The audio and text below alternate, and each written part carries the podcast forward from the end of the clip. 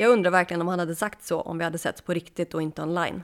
Vi hade bestämt att vi skulle ses, men sen så försvann hon bara och svarade inte när jag hörde av mig. Jag hade skrivit med henne ett tag. Sen hittade jag konversationen i en Facebookgrupp där folk skrattade åt mig. Plötsligt fick jag en bild på hans kuk.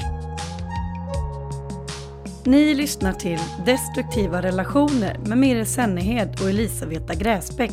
Vi har båda erfarenhet av skadliga relationer och är intresserade av hur vi människor beter oss mot varandra. Vad är en destruktiv relation? Vi diskuterar olika relationer mellan människor med fokus på de som kan bli skadliga. Vi bjuder in experter och tar del av er lyssnares egna berättelser.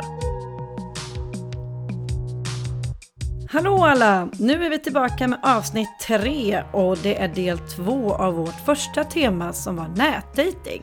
Och i det här avsnittet så kommer jag att intervjua Jacqueline Jo som är eh, relationsexpert och KBT-terapeut. Ja, det ska bli väldigt intressant att få lyssna på en expert som har lite utlåtande om våra små spekulationer och våra tankar kring just nätdating. Men vi kan ju börja med att fråga hur du mår Lisa. Du har ju råkat få den här hemska coronan. Kan du inte berätta lite? Ja, Ja, jag har varit hemma här nu i, i veckan och eh, tappat lukt och smak. Eh, jag fick eh, mitt besked i måndags. Och det, jag har en väldigt lindrig variant måste jag säga. Om man läser och hör hur andra har det och har haft det. Det är väl skönt? Ja, det är jätteskönt. Men det känns lite surrealistiskt där med att vara utan lukt och smak. Man har ju varit det tidigare när man har varit sjuk i, i influensa sådär tidigare. Men eh, nu känns det som man har läst historien om folk som är av med det jättelänge eller kanske till och med permanent. Så det var en liten sån rädsla man, man går och bär på. Mm. Ja, jag hade ju också corona fast jag hade det i början på sommaren.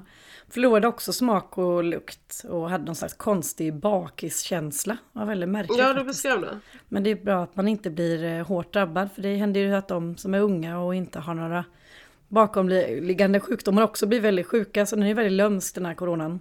Ja, men precis. Man vet aldrig hur den slår. Nej, men så, så har min, eh, min vecka förflutit väldigt lugnt i karantänläge och eh, vad har du hittat på? Ja, jag har jobbat ganska mycket eh, med lite olika projekt. Jag jobbar med ett projekt som heter Creative Point som jag jobbar med hemifrån. Men så har jag också satt igång eh, festivalprojektet som jag jobbar med. Det är lite märkligt att planera festival mitt i en pandemi, men det är lite grann det ser ut så. Vi behöver ju planera för att kunna få stöd av staten och så vidare och kunna ha, ha lite, vad säger man, lite positiv syn på det hela. Det är så svårt att veta hur den här pandemin eh, kommer visa sig för våren och sommar, om det kommer gå ner i kurvan som det gjorde förra året. Så vi försöker vara lite positiva och planera för Subkulfestivalen då, som kanske får ha sitt femårsjubileum som de skulle ha, vi skulle ha förra sommaren. Så jag har jobbat väldigt mycket med det. Det kanske blir av i sommar. Ja, jag hoppas ju det. Man måste ju någonstans leva på hoppet som man brukar säga. Men det, vi får ju, man får ju göra det som går att göra nu och hoppas på det bästa. Och att vaccin och allting kommer igång och att folk blir vaccinerade och att kurvan går ner och smittspridningen minskar. Men man vet ju inte, man sitter ju bara och spekulerar. Det är ingen som vet liksom. Så jag försöker att vara positiv och planera och prata med artister och ha en kommunikation där och se. Förhoppningsvis kan vi köra ett utomhusevent för det är ju en liten festival och det är de större festivalerna har de större problem om man säger så än vad vi små har. Känner väl jag. Ja men precis. Och så Samtidigt som det så försöker jag också jobba på ett bokmanus som jag håller på och arbetar på. Förhoppningsvis kan skicka in. Så det är ja, mycket kreativa grejer som jag satt igång med. Det har varit en intensiv vecka också. Så det, så det känns bra att faktiskt ha helg nu. Att det faktiskt är helg och lite lugn. Fredag idag, ja. Det, det är väldigt kul att vi har fått så himla många bra recensioner. Det är många som har mejlat oss och kommenterat och delat vidare vår podd. Och det känns jätteroligt att ni lyssnare är nöjda. med vad vi hobbypsykologer försöker utföra i den här podden. Ja, många verkar tycka att det är en viktig podd och det känns ju jättekul för att det, eh, då tycker ni precis som vi att det här är någonting som tål att talas mer om. Mm. Korren uppmärksammade vår podd också ja. och skrev en artikel förra helgen. Det var jätteroligt Jättekul. och det är ju sagt inte alltid lätt att, att nå ut så här när man börjar någonting helt nytt. Vi är ju amatörer på att driva podd. Så det känns ju jätteroligt att få eh, både ja, men lite konstruktiv kritik och lite stöd och lite råd och tips från er lyssnare med både med teman och med upplägg. Så det tackar vi jättemycket för och fortsätt mejla oss och kommentera och så. Men eh, vi går vidare och lyssnar på intervjun tycker jag. Och så kommer vi tillbaka efter intervjun och pratar lite om våra tankar kring, eh, kring vad som har sagts.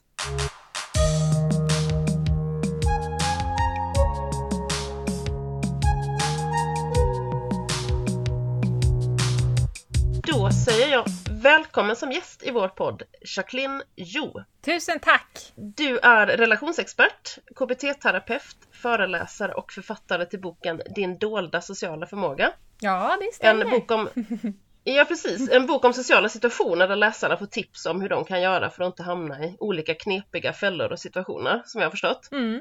Och inom psykologin har du bland annat sociala relationer och kommunikation som specialistkompetens.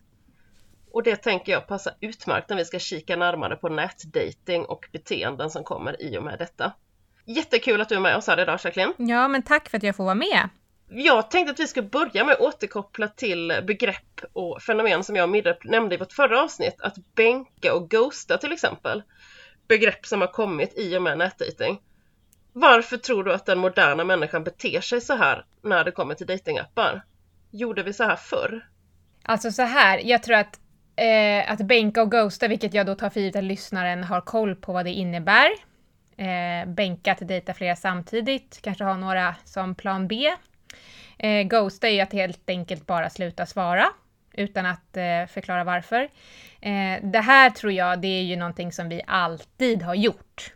Jag tänker det är ju ett mänskligt beteende, men tekniken har ju bara gjort att de här två sakerna är betydligt mycket enklare att göra i större omfattning. Mm. Så, här, så, så svara på frågan om vi gjorde så här förr, ja, det tror jag absolut att vi gjorde, men det var inte, vi hade inte satt ett namn på det. Och eftersom vi inte kunde liksom ragga upp en dejt lika fort och ha lika många samtidigt som vi kan nu, när, det, när vi kan liksom bara gå in och klicka in på en app och swipa lite och få en match och skaffa en dejt, men då har det inte blivit lika utbrett förr. Mm. Liksom. Men nu är det utbrett. Tror du att det kan påverka oss människor i relationer till andra och oss själva just i och med att det är så enkelt som du säger genom tekniken idag att både kapa och skapa relationer? Tror du att det kan kan man bli en oschysst människa av att det anses okej okay att behandla andra oschysst idag på något vis? Eftersom ja, det är så enkelt. Ja, jag tror att så här, eh, det här med att bänka tycker jag inte är så oschysst om du frågar mig. Eh, att dejta flera samtidigt, det, så ser datingmarknaden ut. Eh, eh, och till exempel när man jobbar, jag som ändå har jobbat med klienter i, i snart 11 års tid, har man eh, till exempel ambivalent anknytning som vi kan komma till lite senare, men man, man har kanske ganska mycket ångest, man vill eh, komma in i relationen snabbt, man vill ha mycket bekräftelse. Då kan det fylla ett syfte att faktiskt dejta flera personer samtidigt för att hjälpa sig själv att säga, men jag måste lära känna folk som jag dejtar också. Jag kanske inte bara ska kasta mig in i första bästa relation bara för att jag eh, behöver få bekräftelse och känna mig trygg genom att komma nära någon snabbt. Så då, då finner det, liksom, det finns ett terapeutiskt syfte i att då dejta flera samtidigt. Eh, och, och då ska man ju tänka så här, ja, är det här ett oschysst beteende? Jag tycker inte det så länge man gör det på liksom en, i en tidig fas. Att jag går på en första dejt på en tisdag, sen kanske jag går på en första dejt med en annan person på lördagen. Eh, jag kanske inte har inlett någon liksom, intim fysisk kontakt, det vill säga jag har inte börjat ligga med folk än. Varför ska jag inte kunna träffa flera samtidigt? Sen såklart när det är så att man har datingrelationer över tid med många människor parallellt det är där liksom moralen kommer in. Hur schysst är det? Mm. Däremot så är det ju lätt att bli upptäckt idag. Det är ju lättare att bli upptäckt eftersom vi, alltså man kan ju följa oss på ett helt annat sätt eh, i sociala medier och vart vi befinner oss och det är liksom platstjänstfunktioner som gör att man kan se vart jag dyker upp och alla känner alla och om man har någon kompis som känner någon kompis så kanske man blir upptäckt då om man dejtar flera parallellt under längre tid. Det borde ju egentligen vara liksom ja. en faktor som gör att vi inte har det här beteendet. Eh, men det har vi och det tror jag att vi hade för 50 år sedan också, om vi fick chansen. Då blev man bara inte upptäckt på samma sätt, kanske. Nej men precis. Och sen ghosting, liksom att man bara, att man inte har eh, respekt nog för en människa man har träffat att faktiskt säga tack för dejten, men jag tror inte att vi passar så bra ihop. Eh, det tycker jag är tragiskt, att folk, vuxna människor inte kan göra det, utan de bara skiter i att svara. Mm. Och så här, då, där tycker jag att det finns också en gräns. Har man gått på en dejt med någon, eller man har haft någon så här Facetime-dejt, man har ändå pratat med en människa i något annat forum än i appen, då tycker jag att man ska ha en skyldighet att höra av sig. Ja, har man bara chattat i en app, då, då känner jag att det kanske inte spelar lika stor roll. Men problemet där är ju att vi gör då så mycket mer grejer bakom skärmen, vilket gör att så här, det blir anonymiserat. Att liksom Lisa eller Kalle eller eh, vem det nu än är jag har chattat med, så här, det är inte en riktig person, det är ju det, men min hjärna uppfattar det inte så och då har jag lättare för att bara säga eh, han eller hon var tråkig, jag struntar i att svara. Jag tänker en, en annan online-företeelse som också sker i anonymt, dickpics. Där Ja. det i, i, i samhället, att blottas ute i samhället är ju till och med ett brott. Eh, och det anses verkligen inte okej att visa könet offentligt ute bland folk på ett torg eller i en krogkö. Nej. Varför tycker vissa att det är okej att göra online? Vad tror du att det handlar om? Alltså de som gör att, de tycker att det är okej, för jag tror att det är väldigt många som inte tycker att det är ett okej beteende. Jag tror att det är lite samma grej, att vi har mycket lättare att göra oanständiga saker när vi sitter bakom en skärm. Jag tänker att det går också liksom hand i hand med så här, forskning på näthat. Att hata eller hota folk är ju också ett brott, men vi tenderar att göra det mycket, mycket mer på nätet, någonting vi inte skulle göra live ute. Och då har man ju sett i forskningen att det är just den här um, eh, att man, man avidentifierar personen som man skickar det här till.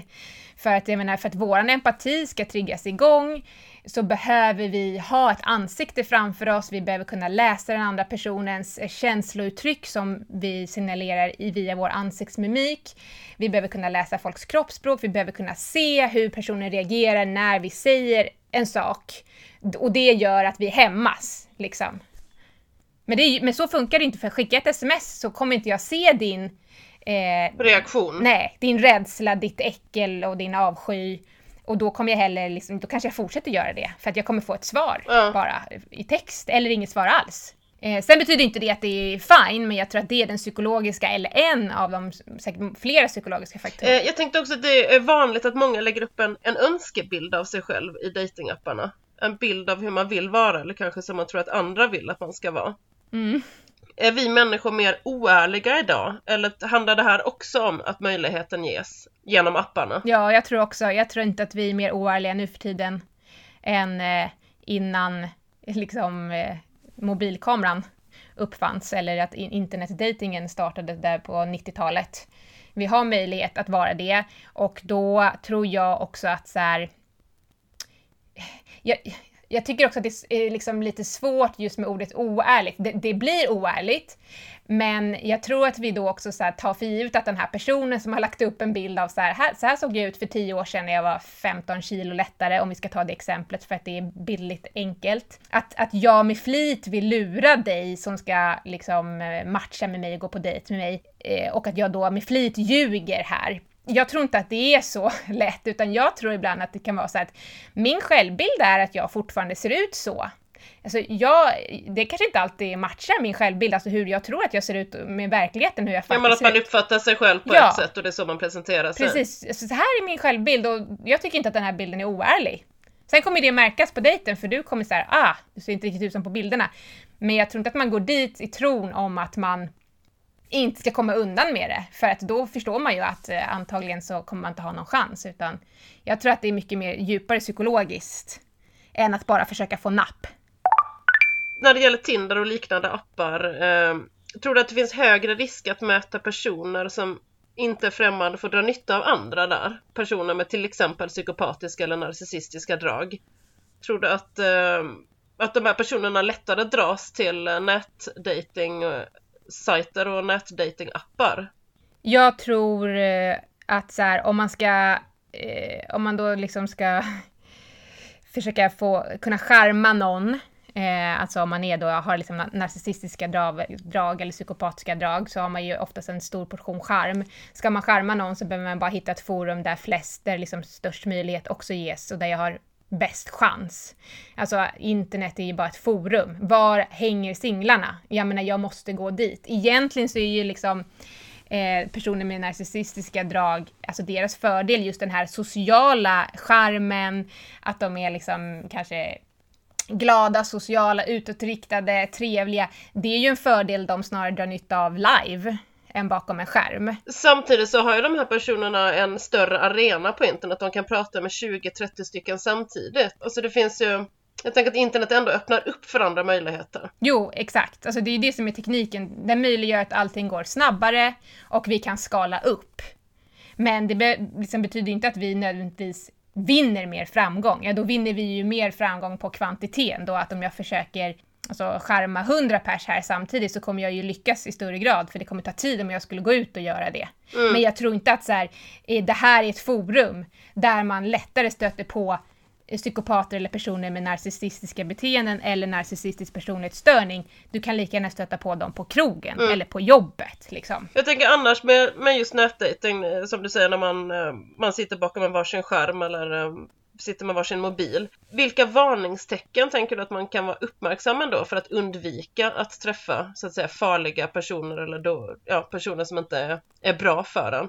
Eh, när, när man har eh, en begränsad eh, kommunikation att, att utgå från? Alltså jag tänker så här, man måste lära sig liksom reglerna för hur man dejtar på nätet för att man ska lyckas och lyckas träffa en, en äkta, genuin person som är ute efter samma sak som jag. Och reglerna där är att det här är ett forum där vi bara egentligen ska stämma träff för en riktig dejt. Du kan omöjligt avgöra om den här personen är eh, den den säger att den utger sig för att vara förrän du har träffat den, förrän du vet vad den heter, förrän du på riktigt har fått ett telefonnummer som du kan koppla ihop med en adress och den här personen har ett jobb och den har vänner och kollegor och så att, jag menar att, eh, att tro att vi kan inleda en slags datingrelation online eh, och veta vem det är vi pratar med, den tron är ju tyvärr lite naiv. Eh, så att, så att jag tänker att man ska, inte se, man ska bara se det här som ett forum, precis som liksom, kanske baren var det största forumet ja. tidigare. Men att man snabbt måste få till en dejt ute, alltså utomhus, bland folk, eh, där det är på liksom ett säkert, en säker plats för att kunna avgöra vem är det jag har att göra med och sen fortsätta att träffa den under de ordnade formerna. Innan du vet vem det är du har att göra med. Det är så du ska tänka när du nätdejtar. För att jag menar apropå det här med liksom att man möter farliga personer, den typen som har mest framgång om vi ska tänka eh, det vi var inne på alldeles nyss, det är ju de här eh, alltså som bedragarna, alltså solovårdarna. De som är ute efter att liksom dra nytta av dig ekonomiskt och lurar in dig i en relation.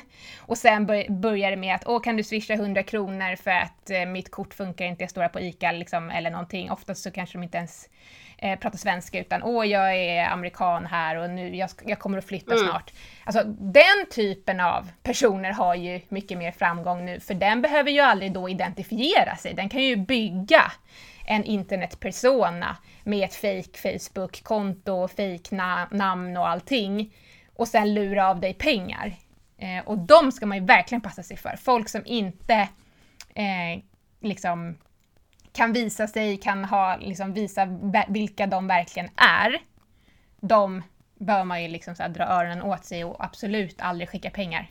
Alltså även om du träffar en person eh, i en bar som sen visar sig att den är bara ute efter husrum, så du måste ju ändå göra den bedömningen och det gör du när du träffar den personen. Så att bjuda in någon från någon som du har träffat på en app till att så här, nej men du kan få bo hos mig eller kom och besök mig eller, eller ens bara så här, folk som säger att de är ute efter en seriös relation men det enda de vill göra är att ligga med så många som möjligt. Ja, men eh, de personerna kan ju du snabbt eh, liksom screena bort genom att så här, du ligger inte med folk så snabbt. Du går på liksom fem, sex, sju, åtta, jag vet inte vad du vill ha för liksom antal dejter innan du bjuder hem dem och blir fysisk. De kommer tröttna också. Alltså om jag vill steppa upp mitt game och liksom, jag ska ligga med x antal personer den här månaden, då kommer de att tappa intresse för dig fort. Ja men det är bra tips. Du behöver bara ha rätt strategi liksom för att lyckas nå det målet du har. Då tänker jag, eh, finns det några andra övriga fenomen som du skulle varna för så när man rör sig på, på datingappar? som man ska vara vaksam kring? Något annat tips du har? Nej, jag tänker bara att du ska vara vaksam kring folk som så här, eh, som gärna vill ha en relation, för det här är ju lite mer vanligt. Folk som vill ha en relation, alltså online, de vill ha bekräftelse. De kanske till och med har en partner. De vill bara sitta och skriva med dig i den här appen. Höra hur du mår, prata om din dag, eh, skicka någon bild, eh, kanske inte ens eh, den äkta bilden, vad vet jag, men de som vill ha den här eh, eh, liksom online-relationen, men som hela tiden drar sig för att boka en dejt. Det är ju de som är liksom det största vardagliga hotet. Eh, de ska du inte, du ska inte prata med dem. Alltså du, det räcker med ett par meddelanden, sen så ska den personen du pratar med vara villig att träffa dig på en dejt. Och vill du inte det när vi har pratat ett tag och det har gått två, tre veckor, liksom, då, då måste du inse att det här är ett varningstecken. Mm. Eh, så mycket kan man inte ha på jobbet eller i livet, om vi bor till exempel här i samma stad, att du inte kan undvara 45 minuter en lördag eftermiddag för mig. Då är det någonting som är lurt och då är det lika bra att du går vidare och lägger din energi på någon annan. Man får lite se till rimligheten i sakerna. Ja, exakt. Ja, skulle du säga att det här är vanligt? Ja, jag tror att det är jättevanligt. Och problemet är att många av dem är ju också bra på att skriva det man vill höra när man sitter där ensam i den här appen i soffan. För du får det här vardagliga bekräftelsen. Ja, men precis. Men om någon inte vill träffa mig, eh, då är det ju någonting som inte stämmer. Men så hittar vi massa anledningar till att bortförklara det. Att, så här, det är inte så konstigt, alla kan ha det mycket just nu. Nej, precis. Men eh, vi, ska inte, vi ska inte göra oss själva en otjänst och tänka så.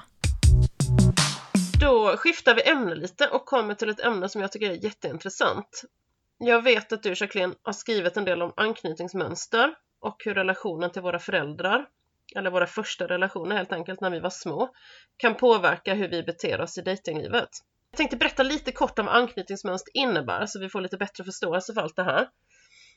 Hur vi människor lär oss att relatera till vår närmaste omgivning från födseln oftast del mamma och pappa, eh, kan skapa ett relationsmönster som följer en sen resten av livet. Så förklarar en del psykologer beteendemönstret som vi människor har i relationer utifrån något som kallas anknytningsteorin. Och anknytningsteorin kan förklara varför en del människor har lättare att skapa och stanna kvar i nära relationer. Att människor är mer, en del människor är mer och andra är mindre trygga i att skapa relationer det vill säga man är mer eller mindre trygg i sin så kallade anknytning.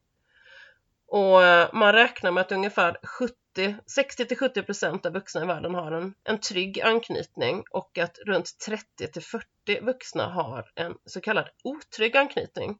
Och det kan du kanske utveckla lite mer Jacqueline, vad det innebär? Precis, eh, 30 40 procent har en otrygg anknytning. För det, det, man kan säga är att alla har vi någonting som vi liksom på så här terapeutspråk, vi som jobbar med anknytningsteori, kallar för inre relationsmodell, som du pratade om här, den har skapats i vår uppväxt av våra anknytningspersoner, som då oftast är våra föräldrar, men vi kan ju växa upp med mormor och morfar eller eh, någon annan person som tog hand om oss. Eh, man brukar prata om att de första fem åren är centrala, eh, där, där liksom grundar sig det här mönstret. Sen är, är det ett mönster som är rörligt, så det ändras såklart. Vi kan ha upp till fem olika anknytningspersoner, men vi kommer alltid ha en primär, någon vi alltid har tytt oss till mycket. Eh, och då framför allt under de här fem första och ibland till och med de tre första levnadsåren. Och det man, eh, det man också behöver tillägga är att Eh, den här inre relationsmodellen som skapas, som just precis som du berättade om, alltså här, hur jag ska förhålla mig till andra människor, eh, vad jag behöver göra för att få liksom, känna mig trygg, sedd, bekräftad, älskad. Det är den modellen som har skapats baserat på hur de här eh, anknytningspersonerna, alltså föräldrarna, har tillgodosett våra känslomässiga behov. Så det vill säga, vad, vad har hänt när jag har varit ledsen? När jag har velat ha närhet, när jag har behövt liksom, tröst, när jag har blivit arg. Eh, det är alltså våra anknytningspersoners eh, uppgift att lära oss att hantera våra känslor, visa liksom, kärlek, eh, hur man kan lita på folk och att allting är okej. För barn behöver hjälp med att väva samman tankar och känslor för att liksom, få ett språk för känslor och för att kunna börja närma sig folk, eh, alltså då sina anknytningspersoner när man är liten, och kunna ge och ta emot kärlek på ett sunt sätt. Men då, så att om man är trygg så har man, har man fått det där. Man har liksom fått visa känslor, man har blivit eh, lärd att man, ja, men jag är älskad oavsett och man har fått hjälp att hantera känslor, vad de betyder och hur det påverkar relationen. Men sen finns det ju de här otrygga anknytningsmönstren. Då pratar man om otrygg undvikande, otrygg ambivalent och sen så ett som man kallar för desorganiserad anknytning. Och det är egentligen eh, avsaknad av något konkret anknytningsmönster, då har man växt upp i, i ganska destruktiva förhållanden. Så att eh, de här barnen uppvisar ganska olika mönster eh, och har svårare då för att ha en trygg, lugn relation. Men eh, de otrygga undvikande kan man säga att som, som barn har de eh, generellt sett då växt upp i en väldigt känslofattig miljö de kanske har visat känslor, för alla barn visar ju känslor, man föds biologiskt med ett gäng grundkänslor som vi måste lära oss hantera, men man har blivit avvisad. Eh, man kanske har fått eh, känslan av att man är jobbig när man uttrycker känslor. Eh, föräldern har inte varit emotionellt tillgänglig egentligen, så att det har varit ganska kallt. Då blir man mycket mer undvikande. Man visar inte känslor lika mycket, man vill inte hoppa in i en relation. Eh, man är betydligt mycket mer tankestyrd, alltså man styrs mer av logiska argument och tankar, tar det lugnt, ibland så, man är väldigt social, upplevs man. Man kan upplevas väldigt social, men man släpper inte in folk. Man går inte in i en relation, för det är så det funkar då sen i datingvärlden, så är man väldigt försiktig.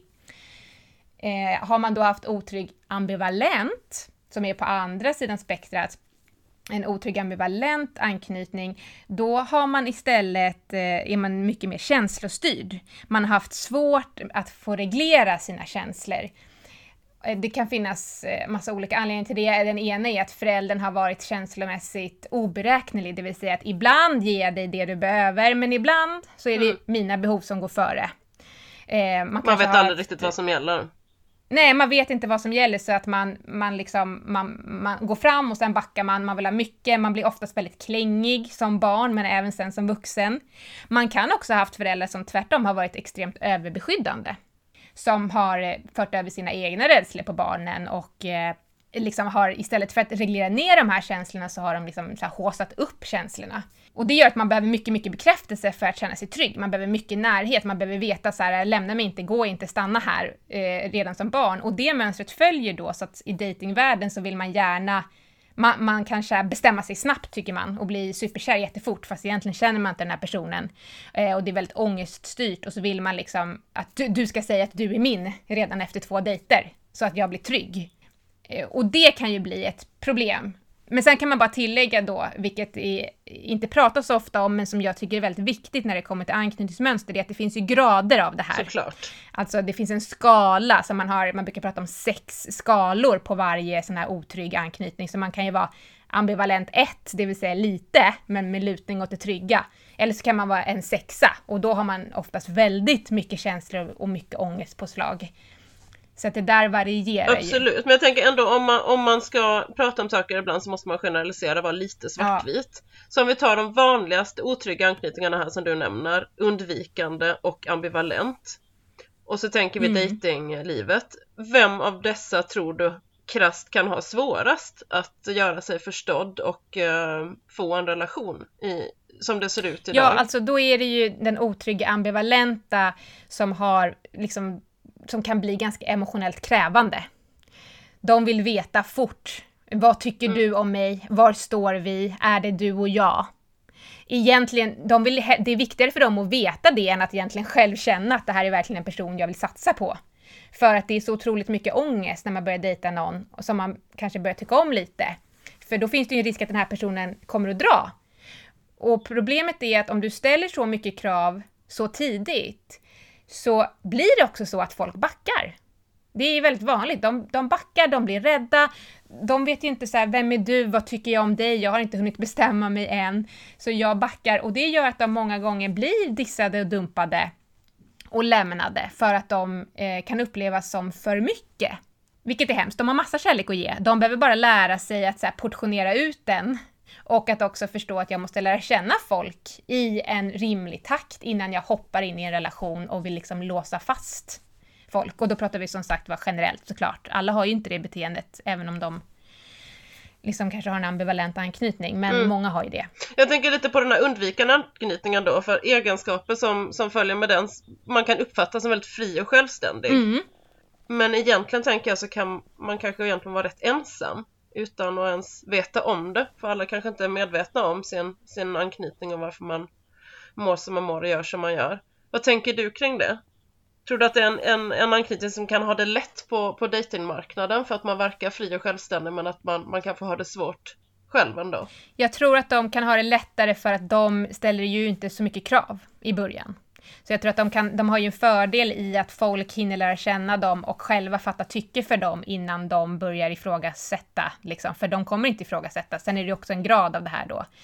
Eh, men problemet är ju också att eh, efter ett tag man har dejtat den personen så kanske man vill känna ett djup, man vill prata om känslor, man vill se den andra personen visa känslor, öppna upp sig, vara sårbar, för det är det det krävs för att man ska kunna ingå en seriös kärleksrelation. Då behöver man liksom våga visa sig sårbar och det vågar inte alla som är undvikande, så de får problem fast lite längre fram då. Om det inte är så att eh, den, den personen som de dejtar då liksom pushar dem lite då och då och de vågar öppna sig. För att det handlar ju om att de måste våga visa känslor. Och sen beror det på då i vilken grad de har lärt sig. Men då kan man eh, konkludera med att båda otrygga anknytningarna är ambivalent och undvikande menar du kan få problem i datinglivet men i olika stadier. Ja, Den ambivalenta kanske mer i början eh, därför att de har riskerat skrämma iväg en eventuell partner. Och den undvikande senare i, i datingfasen därför att de kanske riskerar att inte öppna upp för sin partner och behålla. precis. Och ibland så kan ju folk också kanske sluta av sig till dem i början av undvikande för att de upplevs som att de inte är så intresserade. Ja men precis, det kan ju bli misskommunikation där. Exakt. Och, de, och man kan tro att så här, det här är en person som eh, inte vet vad den vill, eller en person som då eh, kanske bara spelar svår. Fast det kanske inte alls är så, utan de, det är så de liksom skapar relationer, men de tar lite mer tid på sig. Och ibland kan man Precis. behöva dejta dem väldigt länge innan de vill säga att de har en relation. Men eh, man ska inte heller dra alla över en kam. Alltså, de kan också prata känslor. De kan också gå in i en relation. Såklart, såklart. Så det, för det jag kan också tycka är problematiskt när man pratar anknytning och datingvärlden, det är ju att om vi dejtar någon som liksom inte är beredd att satsa på oss, de investerar inte, de engagerar sig inte, eh, de faller inom det här, som, det här begreppet som nu har blivit väldigt trendigt, det man kallar för kanske-männen, började det med en krönika, jag, jag brukar formulera det som kanske-människorna, för det handlar inte bara om män, utan kvinnor gör det också. Eh, när man säger så här, ja men den här personen vill inte, vill inte ha en relation med mig, det är ju för att han eller hon har anknytningsproblem. Den här personen är rädd för att gå in i en relation med mig. Och jag, vad ska jag göra för att han eller hon ska bli tryggare och vilja öppna upp? Och då brukar jag säga så här, alla människor som inte vill gå in i en relation har inte anknytningsproblem. Nej precis, det är att göra det väldigt enkelt Ja, det är verkligen att så här, lägga ansvaret på någon annan. Och så här, ibland så är du bara inte rätt person. Och det behöver du lära dig när du Exakt. dejtar. Att du matchar inte med alla och alla kan inte känna det lilla extra för dig även om du ger det för dem. Och det är en acceptans man måste komma till. Det handlar inte om att alla andra har anknytningsproblem. Nej precis. Nej det känns som att man kanske har lite bråttom också om man ska sätta en, eh, ja, någon diagnos snabbt. Precis, det, är väldigt, det går väldigt trend i det där. Jag hör det hela tiden och jag känner att jag måste bromsa folk. För om man har så grava anknytningsproblem att man inte kan ingå en relation, den procenten är väldigt, väldigt liten.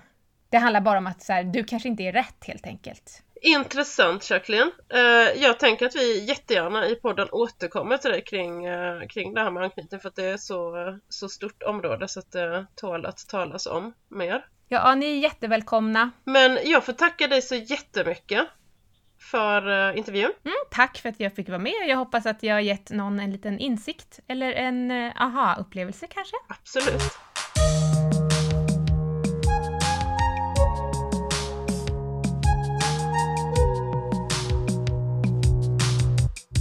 Då är vi tillbaka här efter eh, att ha lyssnat på Jacqueline. Och jag tycker att det var en intressant intervju. Jag fick, eh, Jacqueline fick mig att tänka till mycket kring eh, vissa saker. Mm. Jag tycker det är intressant med nya infallsvinklar. Och jag tänker till exempel på det här med att att hon inte tycker det är oschysst att bänka till exempel och dejta flera samtidigt som du och jag pratade om tidigare. Mm, precis. Ja. För hon menar på att det är så det ser ut när man dejtar. Och hon tar upp någonting som jag inte har tänkt så mycket på att det också handlar om att ge sig själv tid och känna efter i en relation. Genom att man träffar flera stycken samtidigt och så att säga ge sig själv en chans. Vad vill jag ha? Vad mår jag bra av? Det är ju en, en vinkel på det också. Och jag har mer tänkt att jag vet inte, att man kan uppfatta som oschysst för att man liksom har flera på Hon G. nämnde ju också den här, eh, alltså i vilken fas du börjar, alltså i början är det inget problem att gå och fika och träffa varandra hej och hå liksom och det har jag ju också gjort men däremot liksom att inleda en kärleksrelation eller börja ligga med någon eller att man börjar gå längre och bli djupare och börja umgås mer intimt och nära då så kan det ju bli, då sa jag, då kommer moralen eller ja, vad sätter man gränsen, vad tycker man själv och det är ju lite olika där vad folk tycker är Precis. olika. Alltså, Absolut, ja de gränserna sätter väl alla var och en. Det finns väl ingen, ingen standardmall för det såklart. nej. Men, eh, nej men jag vet inte, jag har tänkt mycket på nackdelen med det här med att träffa flera samtidigt just eh, att man inte ger personen, personen man träffar då en riktig chans. Eh, Jag tänker det här med att förståelse för en annan människa uppstår väl just när man kanske går på kalas hos sin dejts faster eller man får hjälp av sin dejt som man ringer när bilen stannar i eh, uppförsbacke femte gången i nej, veckan. precis, ja. Idag ger vi inte varandra den chansen. Jo men Känns det lite så. Nej men för att hårdra det Jag ska så... inte säga någonting egentligen. Jag har ju som sagt dejtat, träffat flera samtidigt. Men jag har aldrig... eh, Jag satte för mig personligen en gräns att när jag börjar inleda någonting intimt med någon eller då är jag väldigt monogam och väldigt traditionell och gammalmodig kanske. Jag är väl helt enkelt inte som den moderna personen, jag vet inte. Nej, och där har väl alla också kanske olika, olika takt och förväntningar. Vi skulle ju prata lite här nu om vad man själv kanske har, har gjort galet eller man, hur man har påverkats, påverkats eh, i sitt beteende vad gäller nätdejting. Ja, precis. Och jag kanske är då också lite lik det där. Jag är väldigt ärlig och rak och det kanske inte alltid förväntas att man ska vara det. Träffas man så vill jag gärna veta varför man träffas. Efter ett tag då, inte efter två dagar. Det finns ju en rimlighet. Ehm, och det handlar inte om att jag vill gifta mig imorgon som det många gånger känns som att det uppfattas som utan för att jag som person behöver veta vad den andra letar efter åtminstone vad jag lägger min tid på. Sen tycker jag det är väldigt intressant att hon pratade om det här med bristen på ett ansikte. För det tycker jag känns väldigt där, där det här med när man chattar eller man eh, skickar dickpics eller man, eh, ja, man skriver till varandra och ghostar varandra eller beter sig lite mer svinaktigt för att man inte har ett ansikte, man har inte en människa framför sig. Eller man tänker inte på att det finns en människa på andra sidan skärmen och, och att det lite grann rubbar ens empati. Men så tänker jag mycket på att, att det här inte handlar bara om nätdating utan det syns tydligt i hela samhället idag att icke-kommunikation på något sätt också är ett sätt att Ja, kommunicera. just det, det kanske är det. Mm. Att får man inget precis. svar på jobbet som man har sökt så ville de inte ha dig, då anställer de någon annan. Ring inte doktorn tillbaka så hade du inte cancer. Får du inga svar på banken så saknas inte pengar på kontot. Alltså alla sådana här runt omkring frågor och ja men runt omkring frågor och känslor finns det liksom inte tid till idag.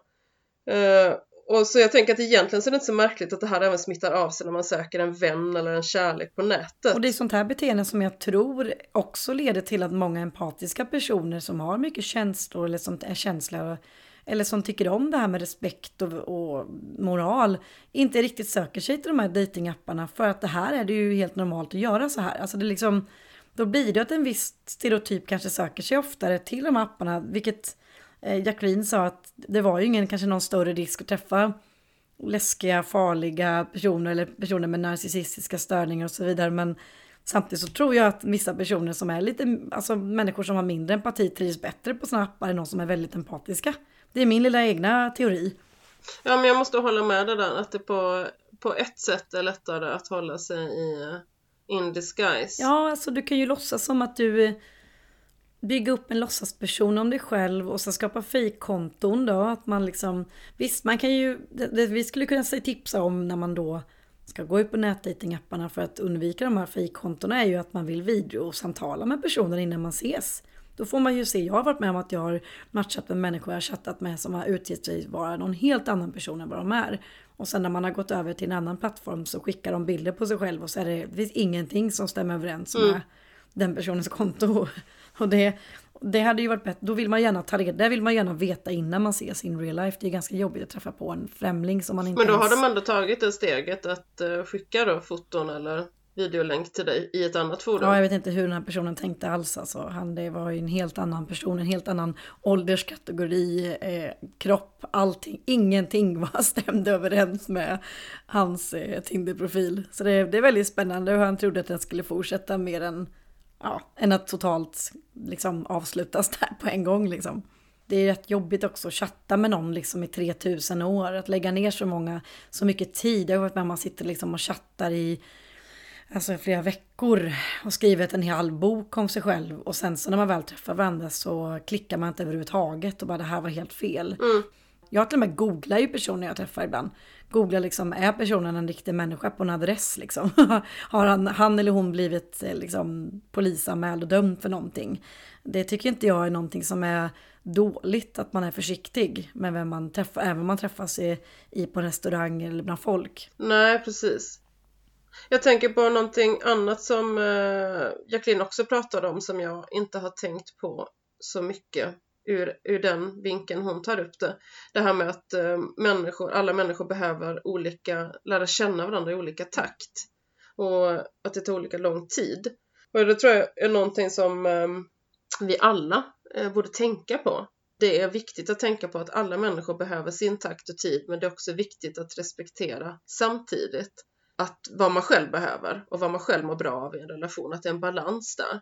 Men bara för att någon inte närmar sig i samma takt och ton som jag så gör det inte det att den här personen har, har problem eller är, är motvalls på något vis. Det är lätt att lägga det på den andra många Sen kan gånger. man ju tänka liksom, när man är ute på de apparna så tänker jag ändå att om man då börjar chatta med någon och man känner att personen verkar vara lite too, too good to be true liksom. Och att det känner att oj, den här personen verkar, du, och det kanske är väldigt passionerat och väldigt liksom intensivt och, och så.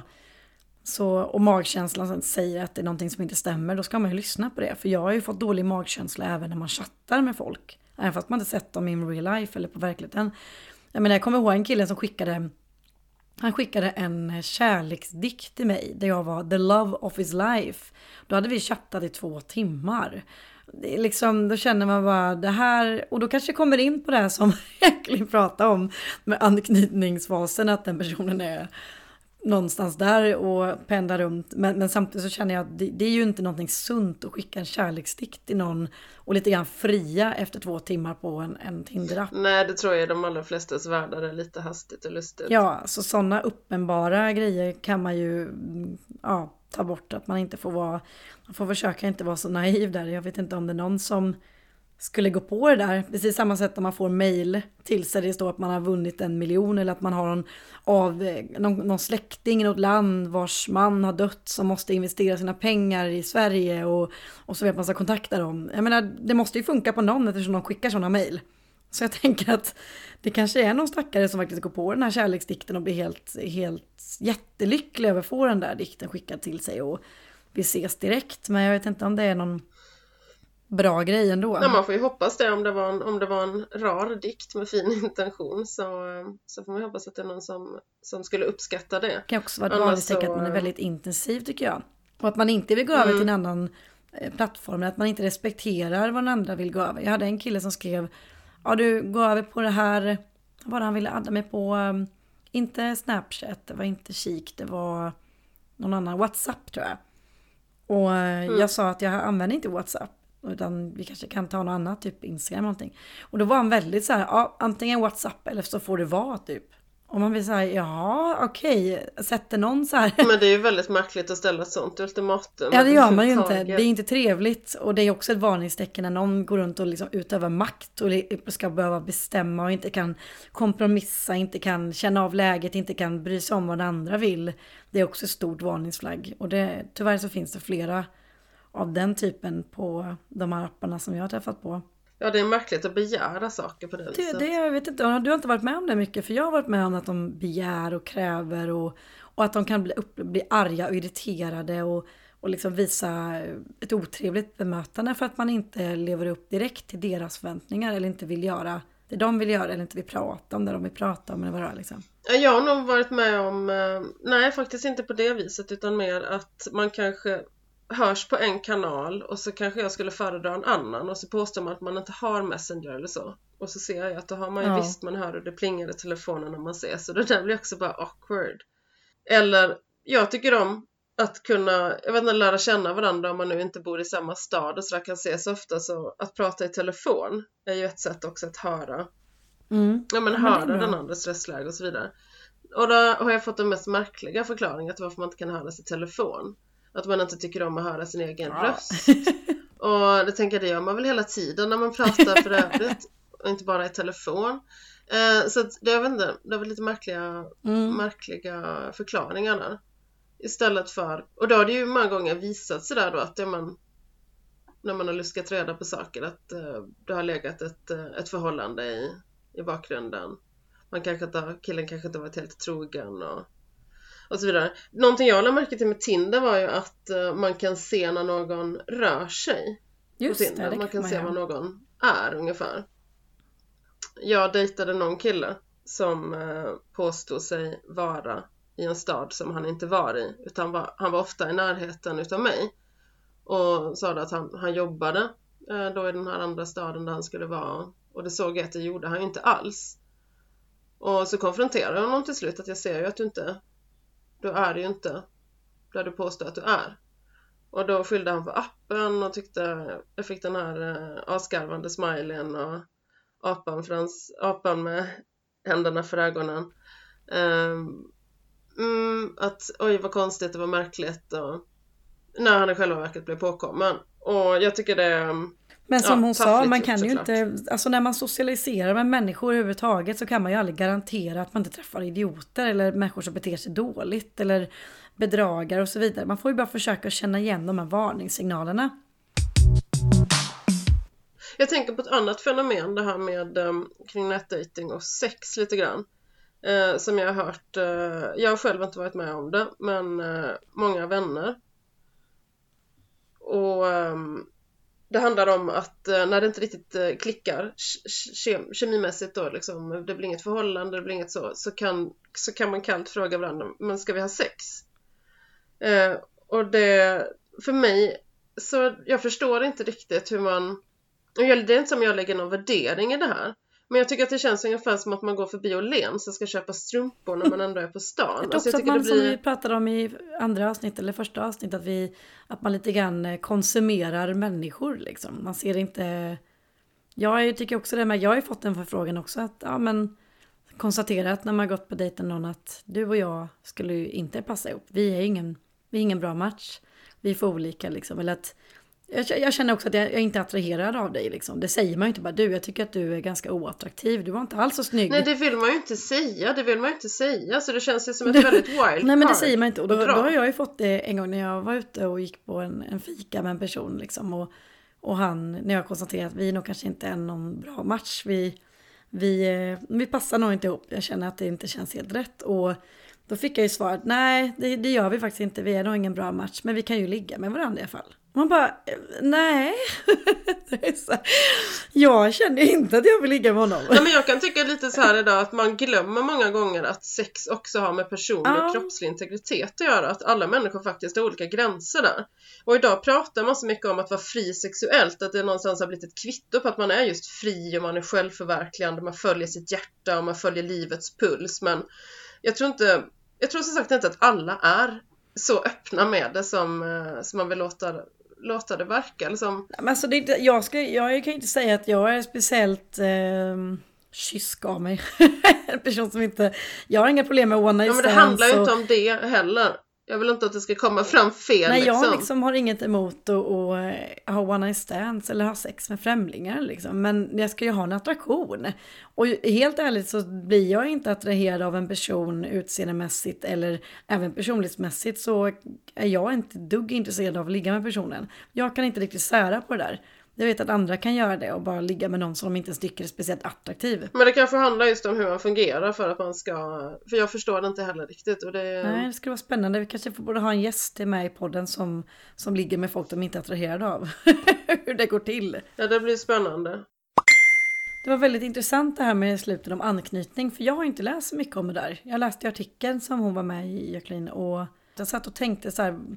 Vad är jag på den här skalan? Eller vad, man börjar fundera själv liksom när man är ute och dejtar. Vad ens egen uppväxt med pappa och mamma och ens egna liksom anknytningar, hur de har varit. Och hur det då kan påverka mig i relation till andra. Ja, det är en väldigt intressant tanke. Du tänker på den här artikeln i Café som uh, Jacqueline var, var med som jag skickade ja, till dig. men även det hon pratade om liksom. Att jag tänker att jag är liksom, jag har en kristen uppväxt. Jag skiljs med som barn. Men mamma och pappa har ju alltid varit goda vänner. Och jag har ju alltid fått väldigt mycket kärlek och bekräftelse. Speciellt av min mamma. Pappa har jag ju träffat varannan helg så det kanske har varit lite mer han har varit lite mer frånvarande och det kanske har påverkat mig, gett mig lite smått, smått lite så här daddy issues av något slag. Men vi har ju alltid haft en bra relation. Alltså det, jag känner väl mer snarare så att min ADHD-hjärna kanske har påverkat mig i relation till andra. Rädslan för att bli övergiven och inte accepterad och inte passa in i, i normen eller i liksom mänskliga grupperingar och så. Jag kan väl säga det när jag har funderat här hur, ehm, hur, hur jag fungerar i inte så mycket nätdatingsammanhang, jag tänker nog över stort i datingsammanhang, att jag är väldigt just kommunikativ och kan verka rätt konfrontativ och kanske inte gett människor den tid som de behöver för att jag har, riktigt, jag har inte riktigt förståelse för det som jag inte får förklarat för mig. Det låter ju jättehårt. Men eh, jag är, som sagt, jag, då har jag ställt frågor och jag har velat veta och, och jag har väl sett att det har blivit att man drar sig inåt sitt skal igen. Men jag förstår inte varför, för för mig räcker det någonstans också att säga att säga att jag behöver vara i fred eller nej, jag gillar inte att prata i telefon, men kom inte med en massa fåniga ursäkter eller massa för mig blir det väldigt förvirrande. Du är rak och tydlig tycker jag. Alltså det gör, du har en egenskap att du är rak och ärlig. Jo men det, det handlar väl också om att jag har kommit fram till att jag behöver någon som kan ta att jag är rak och tydlig och som är rak och tydlig mm. mot mig. Eh, men det betyder också att ja, det är ju inget, har ju inte varit någonting fel om man har träffat någon. Det har inte varit något fel per se på den personen för att de inte har mött mina behov. Utan det kan snarare vara en liten, um, liten relief att uh, det var inte det var inte Nej, menat, det var liksom. intressant när hon sa det just det här att, nej, att man sätter en diagnos på någon som, ja men de den personen, eh, det funkar inte mellan eh, mig och, och, henne eller mig och honom för att han har anknytningsproblem eller hon har det, hon har issues. Man, man skyller på den andra personen istället för att bara acceptera att nej, men vi funkar olika och vi, vi funkar inte ihop. Liksom. Jag var inte den personen som hon eller han sökte och, och jag, eller han eller hon var inte där jag sökte. Det tycker jag ändå nej, men vice versa, är mer sunt att tänka så än att sätta diagnoser på att man inte kan acceptera att man blir avvisad eller att man inte kan acceptera för att bara för att jag blir avvisad av en person betyder inte jag är en dålig människa. Alltså det är bara att vi är olika typer av människor som söker olika typer av personligheter. Så det kan jag känna ibland att man blir avvisad och känner bara då jag är väl helt en rolig social tjej. Vill inte alla ha en sprallig energisk Mirre? Nej, det vill de inte Mirre. Det, Nej men precis, det, det de, de har inga psykiska störningar bara för att de inte vill bli ihop med dig. Det kan ju vara nyttigt att tänka. Ja det är fint med ödmjukhet. Jag kommer att tänka på någonting som har pratats en del om nu i veckan. En eh, tjej som twittrade en, eh, ett foto på sin kompis eh, dates mat som hon blev bjuden på. Eh, där hon skriver polare på dejt och detta är vad det bjuds på. Känner ingen större stress med att börja dejta. Och så är det då en bild på fläskfilé och bearnaisesås och potatiskroketter. Ja men så riktig ungkarlsmat. Och jag själv, jag hade inte kunnat bry mig mindre men jag tycker att det här säger någonting också om hur, eh, hur ytligt man kan bli bedömd idag. Och hur snabbt man kan bli gjord till åtlöje också via digitala medier. När eh, framförallt killar idag, killars sätt att närma sig skrattar många åt. Man tar screenshots och, och hänger ut. Och det, ja, jag vet inte, jag, jag får ont i magen när jag ser sånt. Jag tycker inte jag håller med dig. Jag tycker, och det känns helt ärligt, jag är helt värdelös på att laga mat. Jag, jag har ju skrivit för min Tinder-grej att jag hellre diskar och städar än lagar mat. Skulle jag bjuda någon på en dejt med middag så skulle den se ut precis på den bilden. Jag, och, men jag hade förmodligen inte blivit uthängd i någon grupp eftersom det oftast har varit killar jag går på Tinder-dejt med och de hade inte hängt ut mig i någon grupp. Men hade jag kanske gått med en dejt med en tjej då och bjudit henne på den här middagen så hade jag kanske fått hitta den i någon Facebookgrupp där de skämtar om mig. Och jag har sett mycket sånt också på nätet där man driver med vanliga killar. Jag förstår att man kan driva med de som är otrevliga eller som hotar en eller skickar dickpics. Ja men kaxiga, dryga liksom absolut. Mm. Men inte, jag undrar ibland hur tänker man att ens föräldrar träffades? Hur, hur gick det till Ja, eh, en gång i tiden? Får man inte, jag ser ingenting märkligt med att en granne hör av sig till mig eller ehm, jag vet inte, det får ju vara inom rimlighetens gräns liksom. Människor måste ju få lov att, att ta ett steg fram Ja, till det blir ju lite så också, jag, jag, jag tror att det kan vara jättesvårt att veta hur man ska bete sig om man har någon som letar fel hos en. Alltså vi börjar leta fel hos varandra för att håna varandra. Och att man går ut på de här nätdating- nätdatingsajterna för att eh, liksom håna och hämnas på dem som inte gjort det någonting för att man är arg över att någon annan har gjort någonting mot mig. Det blir en väldigt konstig, väldigt dålig spiral. Ja, du slår ju på fel Ja men det person. blir ju lätt så att man tycker att ja, men, eh, killar är så taskiga på nätdatingappar och så hänger man ut någon stackars kille som absolut inte gjort någon något illa för att han har särskrivit eller, ja, men eller att han skrivit någonting märkligt för det är lätt att missförstå varandra också. Jag tycker det känns som flera gånger jag har skrivit och chattat med på dejtingappar så har jag missförstått och för, men då har jag bara skrivit vad menar du med det här och då har det ju då har ju personen förtydligat om det är en, en elak mening bakom det hela eller om det faktiskt är jag som missförstår honom eller henne. Jag tycker det är väldigt viktigt att inte ta för snabba slutsatser. Ja men det är hemskt om man ska behöva vara rädd Mm. för sånt idag. Sånt där som hade kunnat vara ett charmigt missförstånd och som gör att man kanske lär känna någon ännu bättre. Det blir där som du säger, man är under lupp Mm. hela tiden. Alltså jag hade blivit helt nervös om jag var under lupp. Det blir väl vem som. Och man får dålig självkänsla, man får höra att man är, ja man blir, jag vet inte, skrattad åt och misstänkliggjord för minsta Nej, men, och jag tror att det är viktigast att alla liksom tänker efter hur vill jag själv bli, hur vill jag bli bemött? Och lite grann utgå från det och försöka att stanna upp och inte låta ens beteende styras av de här destruktiva personerna du faktiskt kommer ramla på i livet. För om du utgår från alla människor som har betett sig illa mot dig, att det får bli din liksom mall för hur du ska bete dig mot andra, då blir det ju en väldigt dålig spiral för alla. Utvecklingen blir ju negativ för allihopa. Nej, jag tror, och jag tror det drabbar, som du säger, eh, båda, både kvinnor och män där. Ja, då har vi pratat lite grann om eh, nätdating i två avsnitt Lisa och verkligen eh, fått eh, djupdyka i lite olika fenomen och beteenden och, och Mm. grubbla lite, lite kring hur vi själva betett oss och andra. fått vädra en hel del här. Ja, vi har gjort det. Nästa avsnitt så ska vi ju prata om energitjuvar. Ja, som då kan finnas i alla möjliga konstellationer. Både i Ja. form av vänner och fiender höll jag på att säga. Nej men vänner och föräldrar och på arbetsplatser. Eh, människor helt enkelt som av en eller annan anledning dränerar den på energi. Ja, och ni får jättegärna mejla in till oss ifall ni själv har någon egen historia om att eh, möta eller leva med en energitjuv som ni vill dela med er Eller av. om det är någonting särskilt som ni hade velat att vi tog upp och pratade om just som rör energitjuvar. Så tackar vi för att ni har lyssnat på vår podd och vi påminner er om att gå in och gilla oss på, på Facebook och följa oss på Instagram på Destruktiva Relationer.